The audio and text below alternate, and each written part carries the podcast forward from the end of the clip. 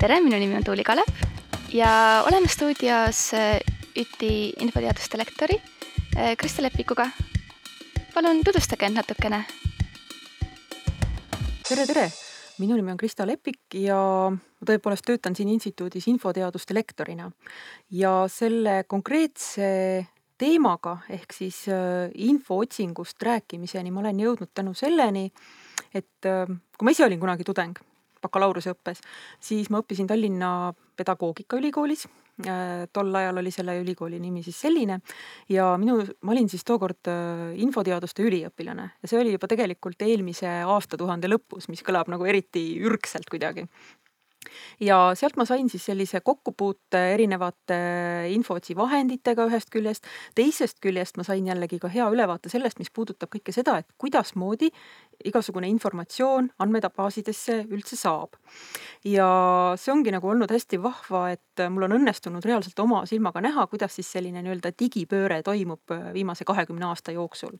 et, et jah mm. -hmm kõigest sellest natukene räägime, aga esiteks, millega infoteadused tegelikult tegelevad? mida see siis tähendab, mida te õppinud olete? jaa, infoteadused tegelevad tegelikult üldse kõigi nende protsessidega, mis on seotud informatsiooni kogumisega, salvestamisega, arhiveerimisega, mis on natukene teine asi kui salvestamine, kättesaadavaks tegemisega, see on siis seotud kõige selle poolega, mis on nagu noh, inimestele, kes ei ole infotöötajad ise, et kuidasmoodi nemad siis selle informatsiooni kätte saaksid ja, ja ütleme seda võib-olla ise ka paremini os oskaksid os otsida. et ka see on tegelikult osa infoteadustest.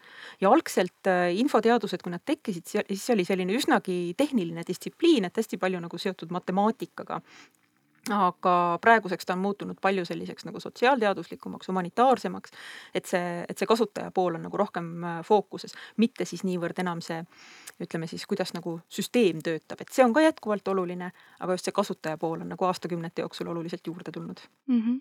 mis osa teile endale kõige rohkem huvi pakub sellest, mis on kõige põnevamad teemad? Mm. -hmm. mina olen tegelikult nagu spetsialiseerunudki rohkem sellise infopädevuse, natuke ka meediapädevuse ja infootsi käitumise teemade uurimisele ja ka õpetamisele.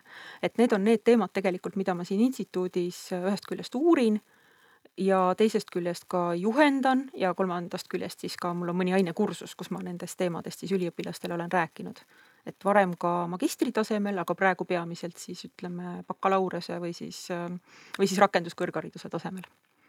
kuidas teile tundub, kas õpilased oskavad praegu hästi infot otsida, selles mõttes nad on elanud, nad elanud enam-vähem terve oma elu arvutimaailmas, nad teevad väga palju infootsinguid päevas, aga kas nad teevad seda hästi? Mingisuguses kontekstis saab kindlasti öelda, et kuniks nad ise on nende tulemustega rahul, et see on tegelikult see küsimus, et kuidasmoodi me hindame informatsiooni relevantsust. et kuniks need inimesed ise on oma selle infoga rahul, näiteks nende õpetajad, kui nad saadavad mingeid kodutöid, väga ka ei jorise selle üle, et mis seal, mis seal nüüd nagu allikatena kasutati, et noh, nii kaua see asi nagu toimib.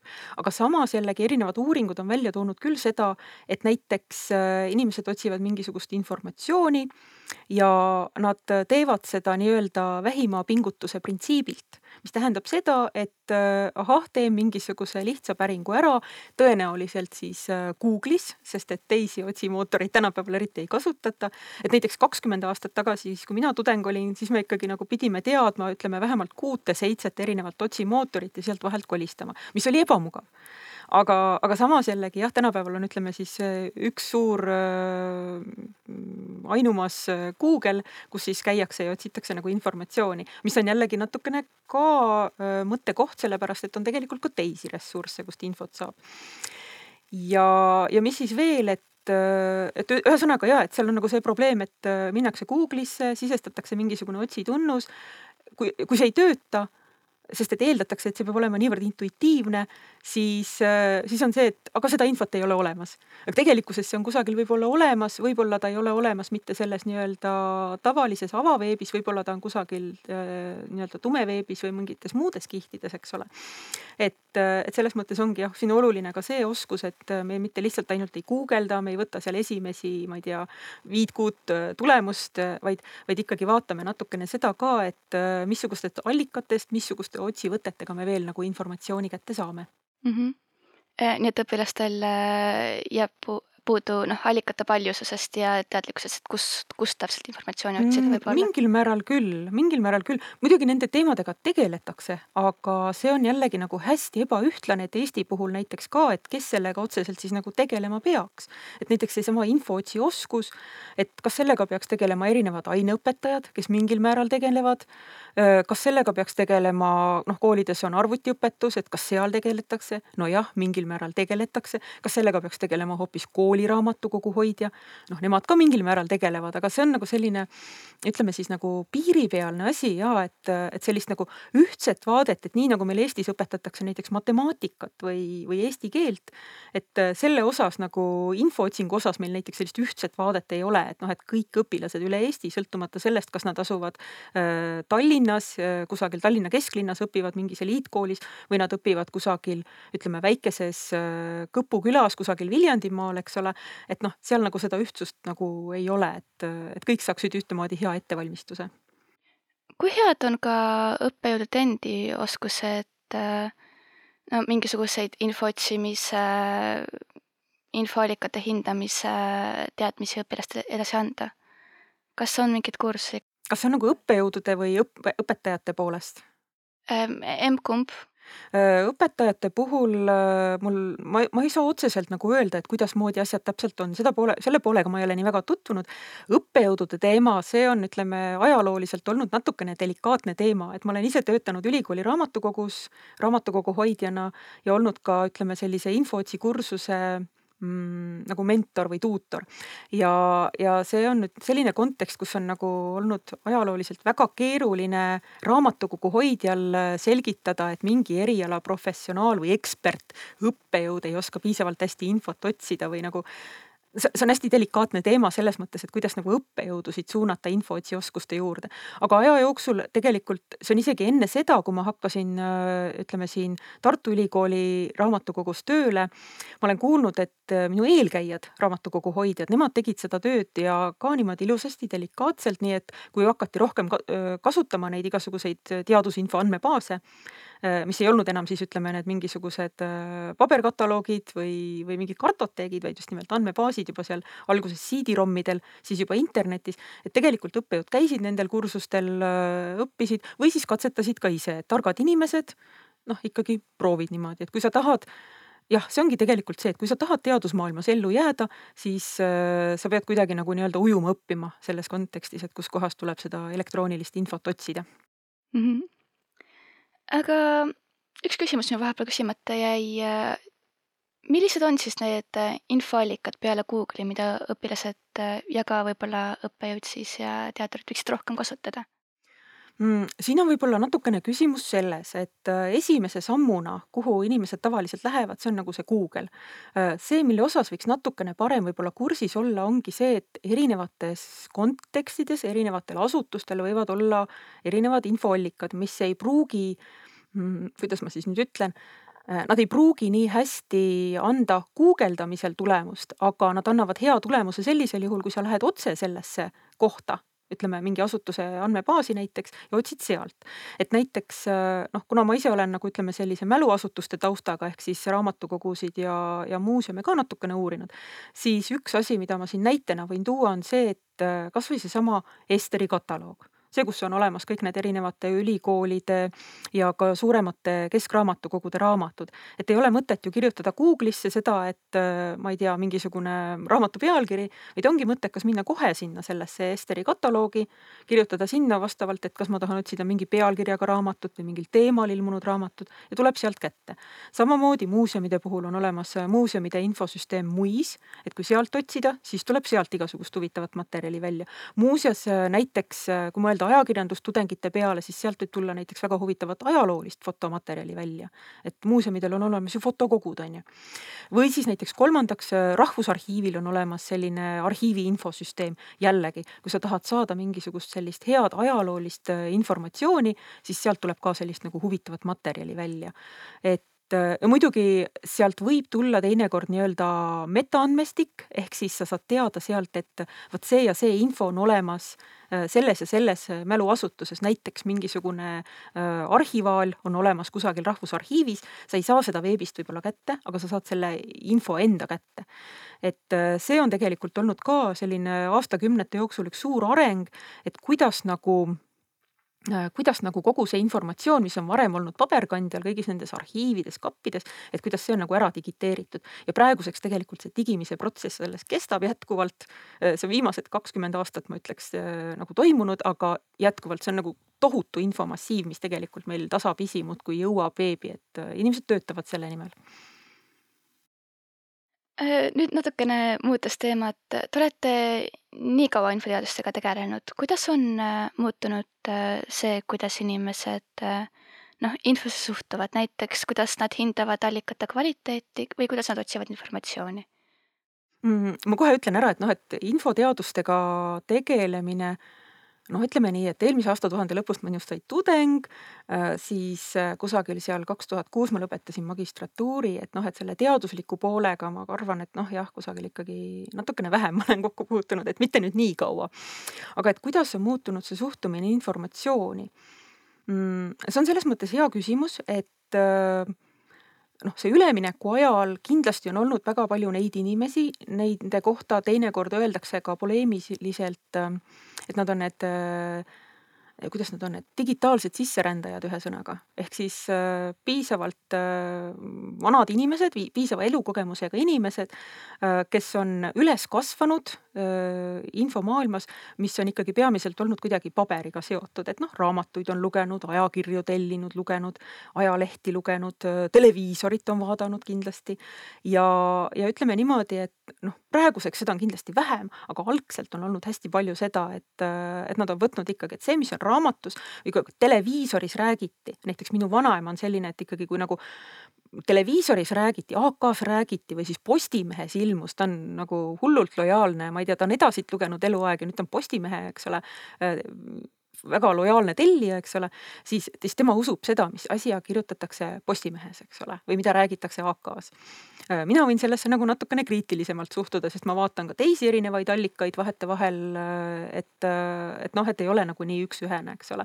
ja siis teiselt poolt on tõepoolest nii-öelda need digital natives ehk siis need sellised digitaalsed pärismaalased, nooremad inimesed, kelle kohta öeldakse, et nemad on sündinud tahvelpihus ja nemad nagu automaatselt peaksid kohe, kohe oskama seda informatsiooni otsida. et äh, jah, äh, need kindlasti need mingisugused sellised digioskused ja neil on väga head, aga neil tuleb teistpidi puudu jällegi sellisest elukogemusest või nagu vot seesama tunnetus, et, et nad ei tunneta võib-olla veel, et mida veel on või et mis on see lünk, et mida ma ei tea. et, äh, et seal on ja nagu jah, et sellist ideaalset varianti otseselt ei olegi, et et noh, võib-olla jah, et mingisuguses sellises vanuses tõesti, et kes on juba nagu piisavalt suured, kes oskavad, kellel on juba edukogemust natukene ja kes oskavad ka hästi infot otsida, et noh, see on nagu selline ideaalne variant siin ülemineku peal või nii. kas noored on äh, kriitilisemad selle informatsiooni äh, kohta, mida nad näevad, ma ei tea, uudistes, internetis, sotsiaalmeedias? Mm,? selle kohta nagu räägitakse nii ja naa, et, äh, et mingisugustes tingimustes ma olen kuulnud näiteks valeuudiste kontekstis äh, vanemad inimesed ehk siis ütleme seal niimoodi viiskümmend pluss isegi pidid väga kergesti igasugused sellised valeuudiste konksud alla neelama. et noorte puhul ma kujutan ette, et see sõltub sellest ikkagi, et missuguses inforuumis nad parasjagu opereerivad, et, et kui ikkagi vaadatakse nagu erinevaid allikaid, erinevaid kanaleid, ühest küljest jah, on kindlasti see sotsiaalmeedia hästi oluline, on ju, aga kui nad kasutavad ka selliseid erinevaid kriitilisemaid allikaid, et, et tõenäoliselt see võimaldab ka neil nagu kriitilisem olla mm. -hmm. Millised on siis need võimalused, et äh, noor inimene saaks oma inforuumi nii palju suurendada, et ei tekiks neid, äh, et ei tekiks nii palju neid äh, infolünki mm? -hmm milliseid allikaid valida? mm,? kuhu pöörduda? see on nagu see mõttekoht, et milleks meil seda infot vaja on. see on tegelikult ka selle toimuva loengu üks selliseid esimesi punkte, et me mõtleme selle peale, et miks mul läheb mingisugust infot vaja. et ma olen juba jõudnud tutvuda, tänaseks oli esitatud esimesed kolm nii-öelda eelülesannet ja seal oli nagu näha, et nendel inimestel, kes seal olid vastanud, nendel olid ka hästi erinevad infovajadused, et jah, üks puudutas reaalselt akadeemilisi selliseid infoallikaid, mida tal oli vaja näiteks lõputöö kirjutamiseks. noh, see on see, millega meie tegeleme siin ülikoolis ka, millega tegelevad ka ülikooli raamatukogu hoidjad, et kuidasmoodi nagu nendest teadusinfobaasidest midagi leida, noh, see on nüüd soovitus, ütleme pigem tudengitele, et jah, võtke kindlasti, kui te saate näiteks selliseid kursuseid, mida nagu pakuvad needsamad ülikooli raamatukogu hoidjad info info otsimise kohta, et nad teevad nagu seda päris hästi ja neil on noh, pikad kogemused ka tegelikult. umbes aastast kaks tuhat kuus või niimoodi, kui nad hakkasid tegema reaalselt selliseid asju. et see on hästi lahe. aga teisest küljest on olemas tõesti sellised infovajadused, kus äh, sul ei ole vaja tingimata sellist äh, akadeemilist informatsiooni, sul on vaja võib-olla hoopis mingit erialast oskust, et kuidas sa leiad näiteks äh, mingisugust infot kusagilt äh, mingisuguse ameti äh, kodulehelt või andmebaasist. ja selle koha pealt ausalt öeldes mul on täpselt see tunne, et ega seda ei saagi enne õppida, kui ei ole konkreetsesse kohta tööle läinud ja siis ta tulebki selle töö tegemise käigus. et võib-olla siin on natukene abi sellest, kui inimene tunneb ennast nagu erinevates andmebaasides nagu nii-öelda kala vees, eks ole. et ta mõistab seda loogikat, kuidasmoodi üks või teine andmebaas toimib ja teeb seal siis vastavalt nagu otsinguid. aga see on täpselt selline asi, et noh, me ei tea ju, kuhu siit ütleme, üliõpilane läheb tööle et me ei saa seda nagu ette õpetada või niimoodi. ja kolmas variant on siis see igapäevainfo otsimine, et noh, et tõesti, et äh, noh, seal on mõned hästi sellised lihtsad asjad, ütleme nagu näiteks, ma ei tea, ilmateate vaatamine, eks ole, või noh, meil on kõigil ju mingisugused ilmaäpid tõenäoliselt telefonides on ju, et sul on midagi ikka on ju, eks ole. et äh, või siis äh, bussiaja äpp või siis noh, mis iganes äpid meil on, on ju. et ega sealt ka tõenäoliselt ma mäletan seda, et kui ma aastaid tagasi omale ostsin oma esimese nutitelefoni, siis mind natukene ka noh, tol ajal nagu pani mõtlema, et, et milleks mul seda täpselt ikkagi vaja läheb, seda küsitakse ju, et miks sul seda nutitelefoni vaja läheb. ega mina ei osanud öelda, ega seal on täpselt samamoodi, sul tulevad need vajadused ja siis sa kuuled mingite tuttavate käest, et vaata, on olemas selline lahe taksoäpp, et proovi seda või, või siis on olemas mingisugune oma tervise monitoorimise äpp, eks ole, proovi seda või noh, et ja nii nad tulevad. et seda kõike ei saa tegelikult nagu ette isegi õpetada ja ma omast kogemusest ütleks, et ma mäletan, et mul mõned aastad tagasi äh, tekkis korraks nagu selline tunne, et Jeeru, ma ei jaksa, ma ei viitsi, kogu aeg tuleb mingeid uusi keskkondi juurde. alles oli Orkut, nüüd on juba Facebook ja noh, mis kõik veel, eks ole, nagu ei viitsi jälle uusi keskkondi kasutama hakata. ja, ja, ja siis ma jällegi nagu jõudsin kiiresti selle mõtteni, et kui ma nüüd löön käega ja ütlen, et nagu napilt neljakümne aastasena ma olen liiga vana, et uute tehnoloogiatega kursis püsida, siis see oleks olnud nagu, nagu väga kole, kole otsus tegelikult, et, et noh siin ongi see pidev selline kursis püsimine, jälgimine, et missuguseid huvitavaid uusi nagu variante või, või, või tehnoloogiaid või, või siis otsivõimalusi nagu juurde tuleb mm. -hmm tegelikult ma tahaksin natukene Google'ist rääkida, sellepärast et äh, te mainisite, et Google on osalt äh, no allikana, et ta on natukene kallutatud, ta kipub andma noh, võib-olla ta korjab natukene informatsiooni ja ta kipub andma teatud sorti informatsiooni. Äh, aga kas on mingisuguseid ähm, otsimootorid näiteks, mis ei teeks seda mm,? Google'iga on tegelikult see lugu, et Google nagu kõik teised otsimootorid, nad ju toimivad teatud algoritmidel. et äh, ma hakkan nüüd nagu ütleme jälle võib-olla ringiga kusagilt otsast tulema, eks ole, siis me jõuame nagu selleni ka, et miks neid, missuguseid teisi tasub kasutada ja miks. et noh, et üks variant on näiteks see, et kui sa lähed Google'isse, sa hakkad seal trükkima mingisugust päringut, näiteks why are girls ja siis ja mida ta ette pakub, eks ole. et seal on olnud näiteks äh, mingisugused äh, tegelased, äh, ütleme intselid siis näiteks, nemad on võib-olla pannud, et why are girls so dumb või midagi sellist, on ju. et noh, et seal tulevadki, et need varasemad mingisugused otsingud, mis seal on olnud, eks ole, nad nagu talletatakse ja vaadatakse siis, et kui sina hakkad infot otsima, why are girls nad pakuvad sulle ette, et varasemad inimesed on niimoodi otsinud näiteks sinu piirkonnas sarnaste parameetritega võib-olla, nad söödavad sulle seda samamoodi ette. ja see mõnes mõttes nagu nähtamatult kallutab tegelikult juba selle poole, et mida me nagu otsime. siis teine variant, mis nagu on ka kallutatus, võib olla seotud sellega, et missuguseid otsitunnuseid me valime, et noh, et see on see klassikaline näide, eks ole, et mõni, mõnes kontekstis mõned inimesed võivad olla vabadusvõitlejad, teises kontekstis nad on terroristid, eks ole, jällegi, et kumb ta siis nüüd täpselt on. Aga et sealt võib ka nagu teatud kallutatusi tulla, kuigi Google neid otseselt ette ei anna.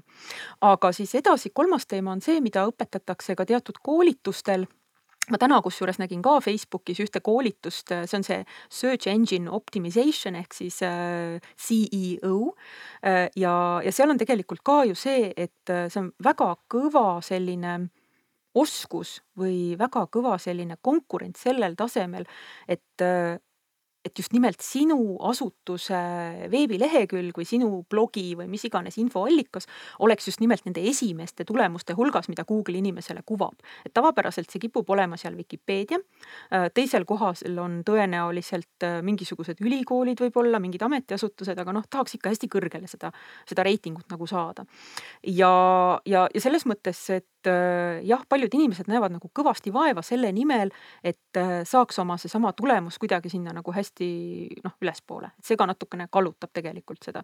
et äh, küsimus ei ole mitte selles alati, et kas see informatsioon on jube hea kvaliteediga, vaid kui hästi on see CEO inimene siis oma tööga nagu hakkama saanud ja, ja kolmanda või neljanda isegi punktina võib-olla võib siia tuua ka selle, et tõepoolest need algoritmid, nad on loodud ju ka kelle poolt inimeste poolt.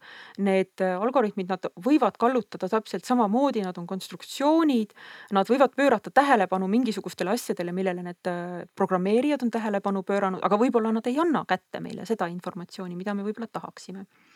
ja, ja üks asi, mida, mis siit tegelikult korraks juba jutust välja tuli ka, et äh, otsimootor võib toimida sellel põhimõttel, et ta jälgib, mida varasemad inimesed on nagu otsinud. et selles mõttes ongi olemas teatud otsimootorid, mis väida, vähemalt väidavad seda, et nad seda ei tee. et on olemas näiteks DuckDuckGo mis väidetavalt ei jälgi seda või ei nuhi sinu järele, et missuguseid päringuid sa teed, mida sa otsid, vaid ta püüab sulle nii-öelda väidetavalt objektiivset informatsiooni anda. aga seesama objektiivse informatsiooni andmine otsimootori poolt, see on tõesti nagu see teema, mille osas vähemalt nii-öelda algoritmi pädevuse uurijad on nagu juba väga kriitilised või suhtuvad nagu skeptiliselt sellesse, et äh, et sa ei saa tegelikult nagu mingit objektiivset infot, vaid seal on nagu hästi erinevatel kihtidel need kallutatused juures olemas mis probleemid seal siis tulevad?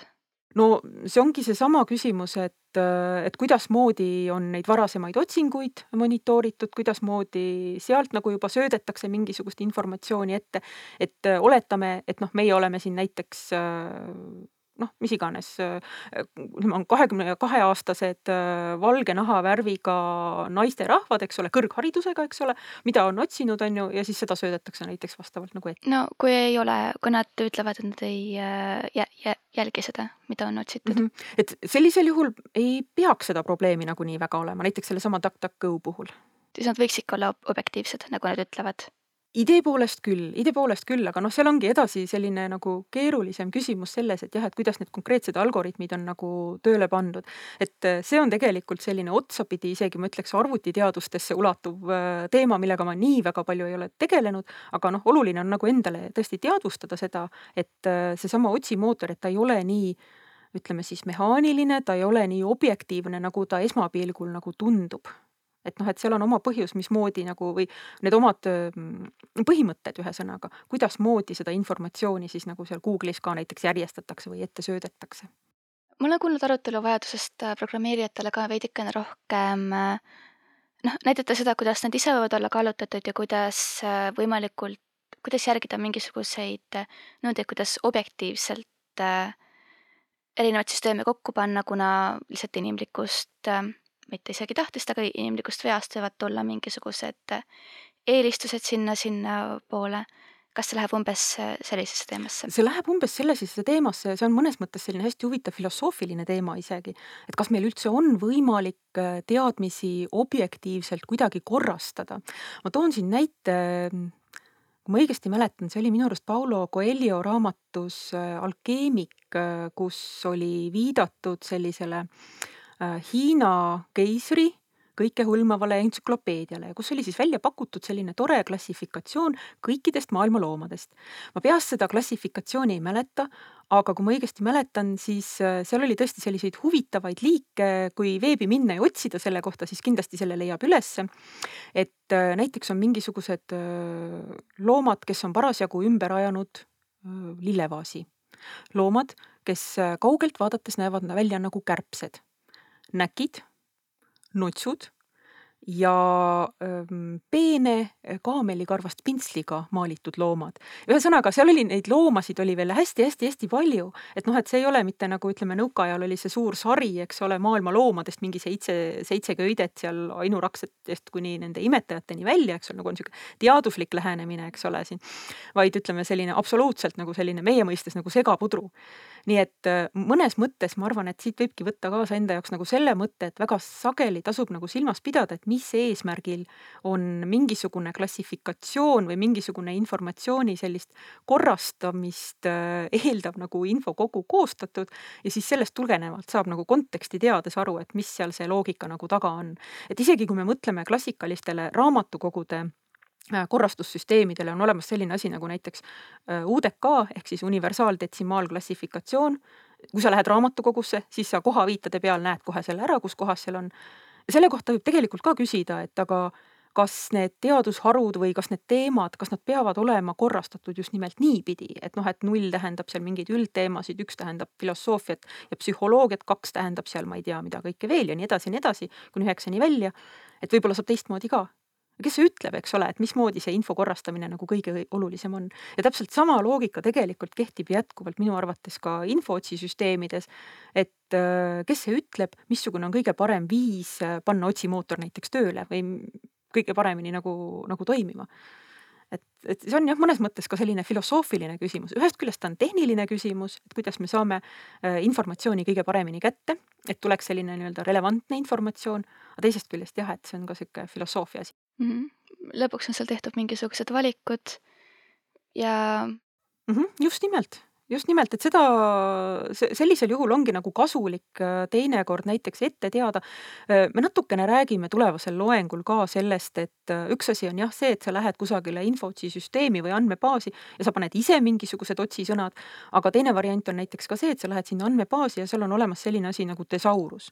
ja see tesaurus on siis põhimõtteliselt nagu selline hierarhiatesse paigutatud kogum märksõnu, mis näitab nagu seda, et missugused on kitsamad terminid mingist terminist võrdes, mis on laiemad terminid, et sa saad tegelikult ka jällegi oma seda võimalikku pime nurka nagu täita. et ei teki seda olukorda, et äh, ma ei tea, no mis on kõige hullem tudengi õudusunenägu, et lõputöö kaitsmisel äh, ütleb keegi väärikas komisjoni liige, aga miks sa selle kohta midagi ei otsinud. et noh mingisugused sellised probleemid nagu, et, et see võimaldab ka natukene nagu oma seda teema välja nagu avardada muidugi ülikoolis ma ütlen kohe lohutuseks, et noh, et kui, kui selleks ajaks, selle lõputöö kaitsmise ajaks on läbitud piisav hulk kursusi, siis tegelikult on ka ju see ülevaade nendest erinevatest teemadest piisavalt hästi olemas, olemas, aga alati saab veel juurde vaadata mm. -hmm. siis mul tekkis selline huvitav küsimus, et kas on võimalik äh, inimesena, kes võib-olla, ütleme nii, ähm, on mingisugused teemad nagu koroonaviirus või see Tiktoki asjad ja mis iganes on meedias olnud aktuaalne mm. -hmm. sellised poliitilised äh, kirgi kütvad teemad. kas on võimalik minna internetti ja inimesena, kes mina ei tea väga palju äh, arvutiteadustest või meditsiinist, leida kallutamat informatsiooni ja teada, et jah, see on nüüd noh, hea, kvaliteetne, õige, need märked, äh, kui palju täpselt teadakse, on seal täpsed. kas mul on võimalik seda üldse teha? noh, praegu ma ütleks ähm ma ei ole küll nagu meditsiiniteadlane, aga, aga koroona osas ma ütleks kindlasti seda, et noh, et seal on nii palju veel tegelikult seda avastamata maad, ebakindlust, kevadel see info, mida isegi ütleme, teadlased juba sealt Hiinas poolt näiteks hakkasid no ütleme, lääne poole seal teavitama umbes, et kuidas koroona levib. noh, esimesed, eks ole ju, mitte uuringud, aga ütleme, tähelepanekud vähemalt olid olemas, eks ole. et noh, et see on nagu nii palju muutunud, et selle koha pealt me ei saa praegu veel, ma kardan, mitte keegi, isegi mitte siin, kes need on need suured äh, Irja Lutsar, Krista Fischer, kes kõik veel, eks ole, kes on nagu hästi palju sellel teemal nagu tarka sõna võtnud. et mitte keegi ei saa praegu lõplikult öelda, et kuidas nagu selle teemaga on.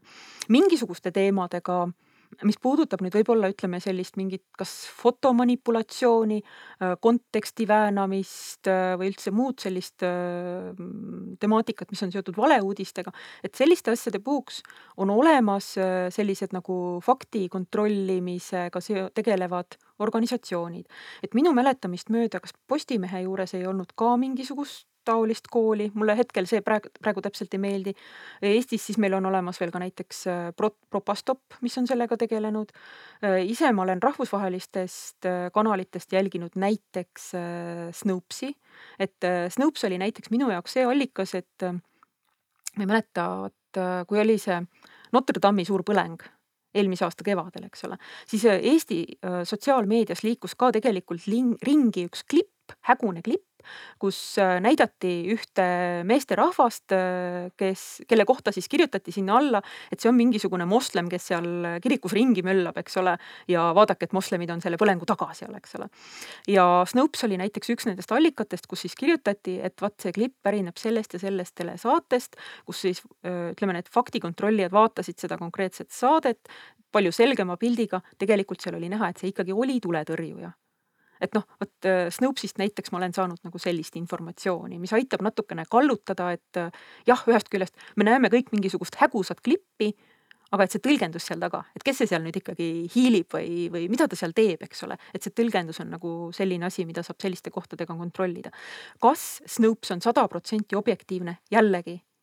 Vot ei tea seal võivad aga olla mingisugused kallutatused tõenäoliselt taga, et, et noh, rahastajapoolne või siis mingisugune vaikne selline surve kusagilt poliitiliselt tasandilt, et seda on nagu raske öelda. et selles mõttes ma olen ise natukene nagu seda meelt, et jah, et kas tõesti on olemas tegelikult sada protsenti objektiivset informatsiooni, et selle info puhul see on nüüd veel üks teema, millest me räägime tavaliselt infokorralduse tudengitega et on olemas ju erinevad äh, tasandid, on olemas andmed, on olemas informatsioon, on olemas teadmised ja on olemas äh, tarkus.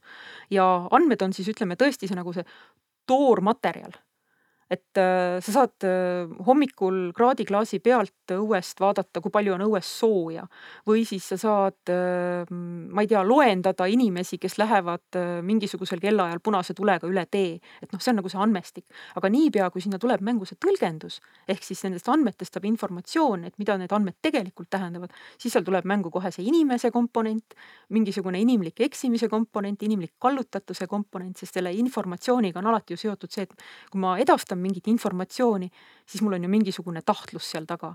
et noh, see ei pea olema isegi mitte mingi vandenõuteooria tasemel asi, aga, aga no ikkagi, et noh, kas seal on mingi, mingi tahtmine mingit infot edastada, kas seal on ka seotud kuidagi noh, ütleme see minu teadmistega, et see võib olla hästi erinev ja nii edasi. ja ühesõnaga, mida kõrgemale nagu neid astmeid pidi jõuda sealt andmetest, informatsiooni juurest, teadmistest ja tarkuse juurde, seda rohkem sedasama inimlikku komponenti seal on või seda subjektiivsust mm. -hmm no ja nagu me enne rääkisime, siis objektiivsus on ähm, noh, keeruline filosoofiline mõiste. ta on jah, ta on keeruline filosoofiline mõiste ja mingis mõttes jah, me saame öelda, et ütleme, teadlased noh, nagu püüdlevad selle poole, aga samas jällegi ütleme näiteks noh, see on veel üks omaette teema, eks ole, kvalitatiivsetes uuringutes äh, see on nagu selge pilt, et noh, et kui ma kirjutan mingisuguste intervjuude põhjal näiteks mingit uuringut, et noh, see, ma pean teadvustama lihtsalt, et seal on mängus ka minu enda mingisugune kallutatus, et äh, näiteks see, kuidas minusse intervjueeritavad suhtuvad äh, selle inimesena, kes ma parasjagu olen,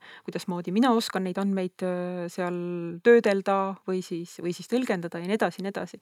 et ma ei, ma ei, ma ei saa ütlemata jätta, et kusagil struktuurides on kallutatud jõud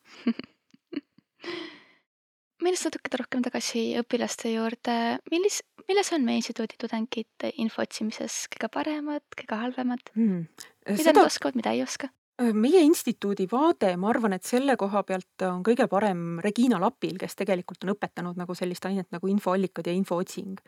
et mina saan pigem võib-olla öelda kitsamalt äh, kas infokorralduse tudengite kohta või siis äh, infoühiskond ja sotsiaalne heaolu tudengite kohta, kellega ma olen natukene nagu kokku puutunud. et äh, noh, selline keskmine tudeng et mis minu arust iseloomustab keskmist tudengit, keskmine tudeng ei ole kaugeltki mitte, ei saa öelda, et oleks rumal või, või midagi taolist või et oleks laisk, loll, loll või laisk või midagi sellist. keskmine tudeng minu jaoks mulle tundub, et ta on hõivatud. Et ta ühest küljest ta püüab õppida, teisest küljest ta püüab ära elada.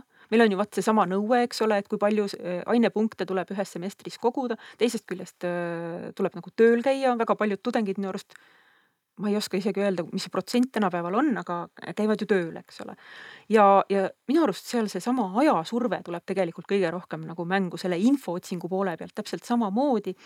et see üliõpilane võib ju saada väga hea ettevalmistuse ja tal võib nupp nokkida nagu, nagu kulda aga kui tal on kiire, kui ta on parasjagu oma, ütleme, ettekandja vahetusest, mis iganes öötöö vahetusest suhteliselt nagu magamata ja noh, ma võin omast kogemusest öelda, et jaa, noor organism talub päris palju. ja tõepoolest need magamata ööd, vahet pole, kas nad on nüüd pidutsemise või, või siis äh, töö tegemise alla läinud, eks ole, need nagu elatakse suhteliselt, suhteliselt kergelt üle, eks ole. aga see ikkagi nagu paratamatult mõjutab, et kui inimene peab ikkagi žongleerima töö ja õpingute vahel, alustuseks kasvõi, et isegi kui ei ole veel lapsi peres, on ju siis, äh, siis ikkagi ühel hetkel see võib nagu tekitada lihtsalt selle olukorra, et kui ta otsib seda informatsiooni, ta võib ju teada isegi, et tegelikult sellest ei piisa, ta esitab ära selle tüki, et noh, mis tal parasjagu nagu on, et noh, midagigi on nagu tehtud. Ja, ja sellest mõnes mõttes on nagu kahju, et eriti need, kes on näiteks sellised perfektsionistlikumad, kes tahavadki korralikult teha, nad võib-olla lähevad stressi ja nad ei jõua ja nad ei jaksa ja noh, see on nagu hästi selline nukker olukord tegelikult et selles mõttes mul on nagu isegi nagu, nagu kahju, et see on selline täiesti sotsiaalne vaade tegelikult info otsimisele. ja ma ei saa sinna midagi parata, sest et äh, seesama aja küsimus, see on just täpselt see teema, mida ma praegu oma järeldoktorantuuri projektis uurin. mitte küll tudengite peal, vaid äh, muuseumitöötajate ja raamatukogu töötajate peal, et kuidas nemad näiteks kiireneva ajaga ühiskonnas oma nende samade infoprotsessidega erinevate ülesannetega nagu hakkama saavad. ja noh, fakt on see, et meil on kõigil kakskümmend neli tundi ööpäevas tudengitel on täpselt samamoodi, et kui see vaene tudeng töötab, ütleme loodetavasti mitte täiskohaga, aga ikkagi poole kohaga ja õpib täiskohaga, noh, siis see ongi väga suur koormus ja, ja sealt tulevadki sellised nagu nii-öelda trade-off'id või siis sellised nagu hinnaalandused või kaalutlused, eks ole, et, et mis see prioriteet on. kuhu ta paneb oma selle auru ja, ja selles mõttes ma isegi ei saa nagu anda jällegi sellist nii-öelda objektiivset äh, hinnangut äh, skaalal, ma ei tea, A-st F-ini, eks ole, et meie tudengite keskmine infootsi võimekus on, ma ei tea, ütleme näiteks B või midagi taolist. sest seal on lihtsalt niivõrd palju selliseid täiendavaid komponente nagu juures. aga ma arvan, et äh, vähemalt selles ajahetkes, kui nagu see üliõpilane on olnud mingisugusel infootsi kursusel näiteks õppinud või, või on saanud, mis meil on olnud see akadeemilise enesejuhtimise aine, eks ole, mingeid soovitusi. et siis talle vähemalt on püütud anda ühest küljest seda parimat ja, ja tõenäoliselt noh, sõltub jälle sellest õpimotivatsioonist, et noh, et äh, ma optimistina nagu loodan, et on nagu püüdnud need üliõpilased ka nagu seda maksimaalselt nagu vastu võtta. aga noh, edasi tuleb juba elumängu, et noh, et palju ta siis reaalselt jõuab ikkagi mm. -hmm. Aga millis-, millised on just ähm, noh, kui nad teevad infootsinguid, siis äh, mis on see, milles nad on head, mis on see, milles nad on halvad? Te olete mulle öelnud näiteks, et äh, keskendutakse väga palju ähm, otsinguterminitele, et mm -hmm. võib-olla neid osatakse hästi valida, aga samas äh, on äh, otsingus mitmeid äh, mitmeid kohti, millele ei pöörata tähelepanu, võib-olla ei mõelda neist mm. -hmm. et siin võib-olla tasubki läheneda sellele infootsingule kui sellisele terviklikule protsessile, et jaa, väga sageli nagu lähenetaksegi, ma ütleks, et see isegi meie instituudi tudengite nagu teema oleks või see on nagu üld, üleüldine. et mõeldakse nagu selle peale, et mis need otsiterminid peaksid olema, Google'isse midagi sisestan üldiselt peaks midagi kätte saama. aa, vot just praegu tuli meelde ma ei mäleta, kas see oli Eestis või kus see mingisuguses uuringus tuli välja selline markantne seik, kus äh, keegi noor inimene, kas see oli võib-olla isegi noh, laps, ütleme päris selline kooliõpilane, eks ole, mitte tudeng, kes nagu hindaski seda, et aga see on Google, Google on usaldusväärne see on nagu see koht, kus tegelikult peaks juuksekarvad hirmust pea, pähe nagu püsti tõusma, sellepärast et äh, Google iseenesest ei ole ju infoallikas, ta on lihtsalt üks otsimootor. pluss seal taga on, eks ole, väga suured sellised ärihuvid, eks ole, korporatsioonil on ju, et see aktsia hind oleks ikka kõrge ja, ja nii edasi ja nii edasi et, äh, et, et selles mõttes jah, et noh, et hästi palju rõhku on nagu sellisel otsitunnusel. aga see, millega me ütleme näiteks siinsamas loengus hakkame ka tegelema, ongi see, et missugust laadi informatsiooni äh, on üldse võimalik otsida sellest me räägime nagu võib-olla kergemini natukene, siis me tegeleme erinevate allikatega, et just nimelt see erinevate allikate tundmine on kindlasti hästi oluline, et me ei peagi alustama Google'ist, me võimegi võtta, et ma nüüd lähen hoopis, ma ei tea, ütleme ülikooli raamatukogu vastavate, vastavasse portaali, kus ma saan juba konkreetselt vaatama hakata, mis ajakirju meil olemas on või mis teemad meil seal olemas on siis edasi jah, selle infootsingu, ütleme sellise päringu moodustamisega jah, me tegeleme ka. aga ma tahaks panna kindlasti sellesse loengusse või mitte ma ei taha, vaid ma panen natukene selliseid mõttekohti ka, et mis ei ole seotud lihtsalt selle päringu moodustamisega, vaid et ütleme, et sa oled protsessis, kus sa parasjagu otsid informatsiooni, kui, et mis juhtub siis, kui sul üks päring ei tööta, kui sa saad mingisuguse päringuga liiga palju informatsiooni või ei saa mitte midagi, mis sa siis nagu tegema pead, et see on tegelikult see järgmine oluline samm. et kõige hullem asi, mida teha on, ongi see, et noh, nagu käega lüüa, kui midagi ei leia. Et kui vahet pole, kas seda infot on liiga palju või seda on liiga vähe, ikka on frustreeriv, on ju ja, ja üks teema, millega me veel tegeleme, on siis tõesti see, et äh, kuidasmoodi hinnata seda, et kas sellest informatsioonist mulle nüüd nagu piisab. see võib olla teinekord ka üsna subjektiivne, mõnikord võib ta olla objektiivne ja kas see info, mida me oleme kätte saanud, kas ta on nagu kvaliteetne, et need ongi need nagu sellised olulisemad äh, teemad. kusjuures äh, see ei ole mitte nagu minu enda mingisugune väljamõeldis, aga siin ma tegelikult järgin äh, brittide sellist äh, lähenemist, et kuidasmoodi näiteks Suurbritannias õpetatakse ka infopädevust. et äh, needsamad sellised teemad, mis tulevad siin loengus käsitlemisele, et need on tegelikult mujal ka nagu hästi populaarsed. aga selline väikene sneak peek, kuidas hinnata, et kas info on kvaliteetne mm,? kuidasmoodi hinnata, et kas informatsioon on kvaliteetne? Et kindlasti me selles äh, loengus puudutame selliseid äh, klassikalisi aspekte, mis seonduvad näiteks sellega, et äh, kui ajakohane on informatsioon. me vaatame näiteks ka seda, et kustkohast ma selle informatsiooni kätte saan, et kui ajakohane see info on, et vahetevahel see on nagu veebilehe puhul või teadusartikli puhul hästi leitav, vahetevahel ta on nagu keerulisemalt leitav siis äh, peale ajakohasuse me vaatame ka seda, et äh, kuidas seda autorit siis ikkagi hinnata. et üks äh, hea näide, mille juurde me tuleme ja ma ei tea, võib-olla te olete sellest nagu eelnevalt kuulnud ka, oli see, kuidasmoodi John Bohannon tegi eksperimendi selle kohta, et kuidasmoodi ajakirjanikele võltsinfot, võltsteadusinfot ette sööda. ja tema tegi sellise libauuringu, kus ta siis vaatas, et äh, kuidasmoodi šokolaad inimesele mõjub ja söötis neile sellise libauuringu tulemuse, et äh, šokolaad aitab sul saleneda söö šokolaadi, saad saledaks. aga seal oli ka selline tore andmetega ja infoga selline manipulatsioonitehnika nagu taga. et see võib ka teinekord olla jah küsimus, et kas selline äh, John Bohannoni loodud äh, libateadusautor või libateadlane, kas ta üldse eksisteerib, et noh, see on ka teinekord selline asi, mida nagu vaadata, mõelda. siis äh, millega veel, et äh, tegelema, et tasub kindlasti tähelepanu pöörata ka sellele, et äh, mitte kõik teadusartiklid või vabandust, mitte kõik teadusajakirjad ei ole ühteviisi kvaliteetsed. et on olemas ka sellised väljaanded nagu kiskjad ehk siis äh, predatory journals, et äh, natukene vaatame nende poole ka, et kuidas nendega nagu hakkama saada ja siis äh, millega me veel tegeleme, on kindlasti ka näiteks äh, kallutatus, et äh, kuidasmoodi tuvastada seda, et, et, et mõni autor või mõni väljaanne on näiteks kallutatud, et see on ka selline küsimus. ja mis on tegelikult näiteks teadusartiklite puhul hästi oluline, see on tegelikult võib-olla see mõttekoht, mida võiks panna südamele bakalaureuse tudengitele.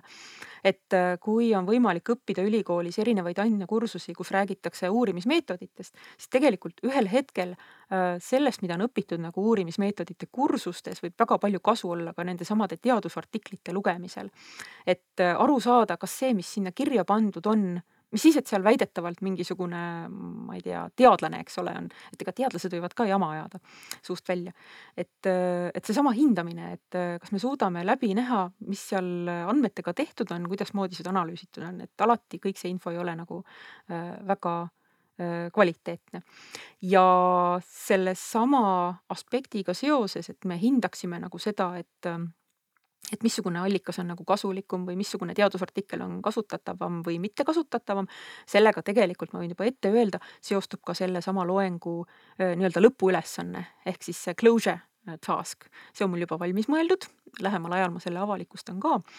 nii et, et jah, ja ma loodan ise, et see closure task ehk siis lõpuülesanne, et see tuleb ka selline piisavalt humoorikas teile siin äkki teil on mingisuguseid, veel mingisuguseid lõbusaid, huvitavaid lugusid või näiteid sellest, et miks on vaja õigesti, hästi informatsiooni otsida?